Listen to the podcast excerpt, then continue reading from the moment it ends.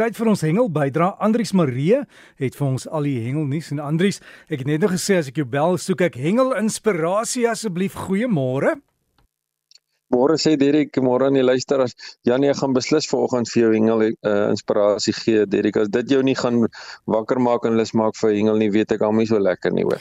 En ek het ook nou die dag weer by hengelwinkel ingestap en gesien die koste van van die goed. Dis astronomies. Dis nie 'n goedkoop stokperdjie nie, né? Nee, Dirk, ehm um, kyk die grootste probleem wat ons maar het is dat die meeste van die hengelprodukte word ingevoer teen 'n wisselkoers en dit maak ons ongelukkig 'n bietjie seer. Maar uh, as 'n mens eers jou hengelgery aangeskaf het, jy weet die die dierder items, dan kan dit jou vir jou hele lewenstyd hou as jy dit oppas. So as jy 'n goeie kwaliteit stok en 'n goeie kwaliteit trol koop en jy laat hulle so 'n bietjie dien so nou en dan, dan uh, gaan daardie gerye oorleef. So mense het nie nodig om dit gereeld te te te uh, vervang nie. Ehm um, die bruikbare items is natuurlik die goedkoper deel van die hengel, maar die duur items is die gery. Ja, ek het ook weet as jy so by die hengel gaan staan eh, of daar langs die water is en jy val by die see en jy sien op die son opkom. Dis die mooiste oggend wat jy kan beleef. Ek sien Pieter Skuurman het sopas my foto gestuur van daar by hulle in Warner Beach, Manzimtoti, waar die son so mooi opgekom het. Maak 'n mens jaloers, jy wil sommer gaan hengel dadelik, né, Andries?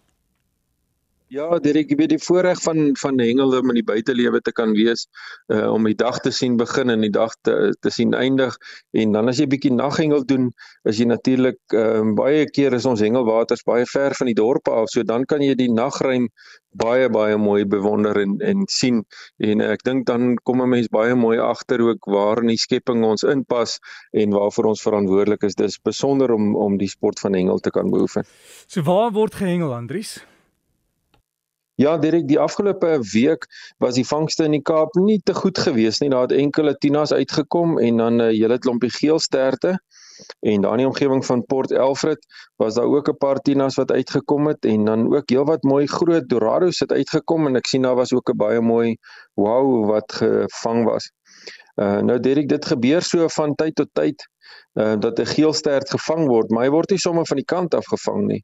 Nou Dani vertel dat hy onlangs daar by Witstrand was en hy het 'n groot geelstert van die kant af gevang en hierdie geelstert het so by die 13 kg geweg en uh, daar's 'n mooi foto waar hulle hom vashou so van die strand af. Nou ja, dis nie 'n aldag gesig wat 'n mens sien met 'n geelstert so van die van die kant af nie.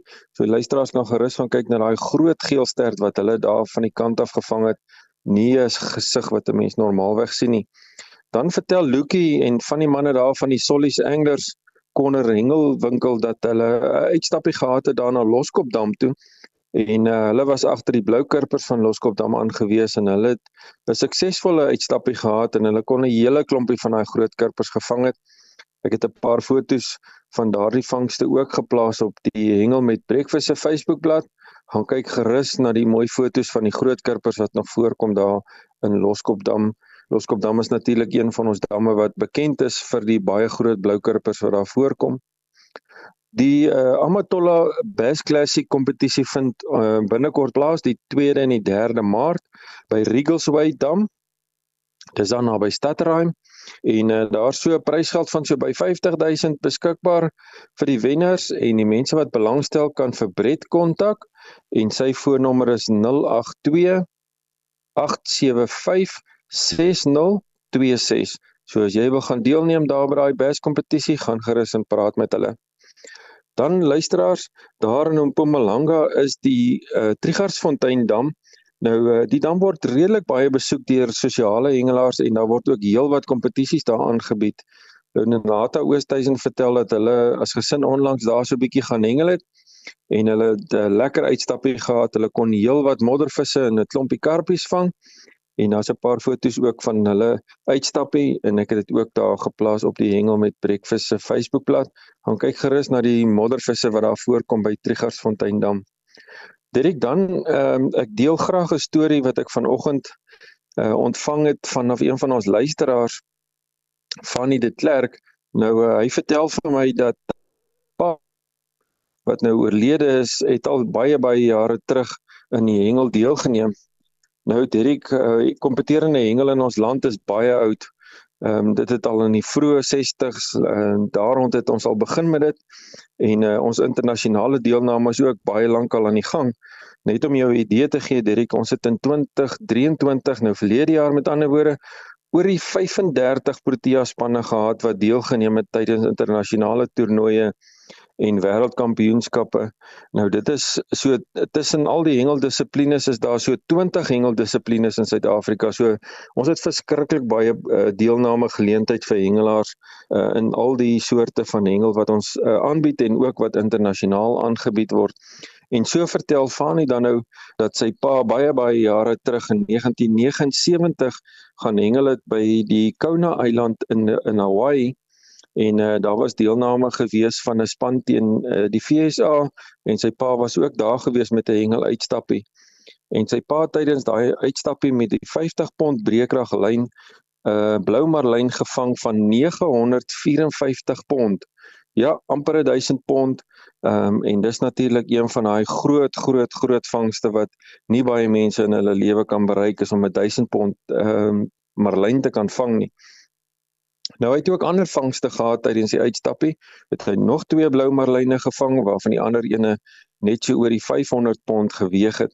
Nou uh, sy pa het daar uh, met daai vangs van 900 oor die 900 pond het hy vir 15 jaar die rekord behou vir die grootste vangs in daardie area en ook dan nou 'n wêreldrekord want dit was geregistreer gewees, die aansoek was ingedien. En uh, eers 'n uh, hele tyd daarna was daardie rekord uh, vervang met een wat oor die 1000 pond geweg het. Nou Derek van het vir my mooi foto's gestuur van uh, ou herinneringe van daardie mooi vangste en ek het dit vanoggend ook gelaai daar op die Hengel met Breakfast se Facebookblad. Nou in ons Suid-Afrikaanse hengelomgewing is daar bitter bitter min hengelaars wat die geleentheid gehad het al om 'n marlyn van oor die 500 pond te vang, wat nou nog te sê van oor die 900 pond te kon vang. So regtig van nie baie geluk met jou pa se vangste daardie tyd van die jaar van die jare al gelede. Ehm um, media en so en was nie so groot gewees op daai stadium nie, so ons het nie bewus gewees van daai mooi vangste wat toe al plaasgevind het nie. Direk dan volgende week vind die meester se feeder kampioenskappe plaas daar by Valdam en dan ook die meester se strand eh, Rotsenstrand uh, kampioenskap uh, wat ook plaasvind en ek gaan volgende naweek 'n bietjie meer daaroor vertel en ook van hulle vangste. Direk baie dankie. Totsiens aan almal tot die volgende keer. So gesels ons saam met Andrius Marie alles oor hengel en daai Facebook bladsy is hengel met breakfast en jy kan dan ook vir daai nommer wat ek het van Brett vir die best kompetisie is 082875 6026. So weer 082875 6026. En as jy wil kontak maak, gaan na die Facebookblad Hengel met Breakfast, anders stuur net 'n e-pos en jy kan dit stuur aan hengel by RXG hengel.co.za. Miskien groot kompetisie of hengelnuus. Dan kan ons dit insluit. Dis hengel by rsg.co.za.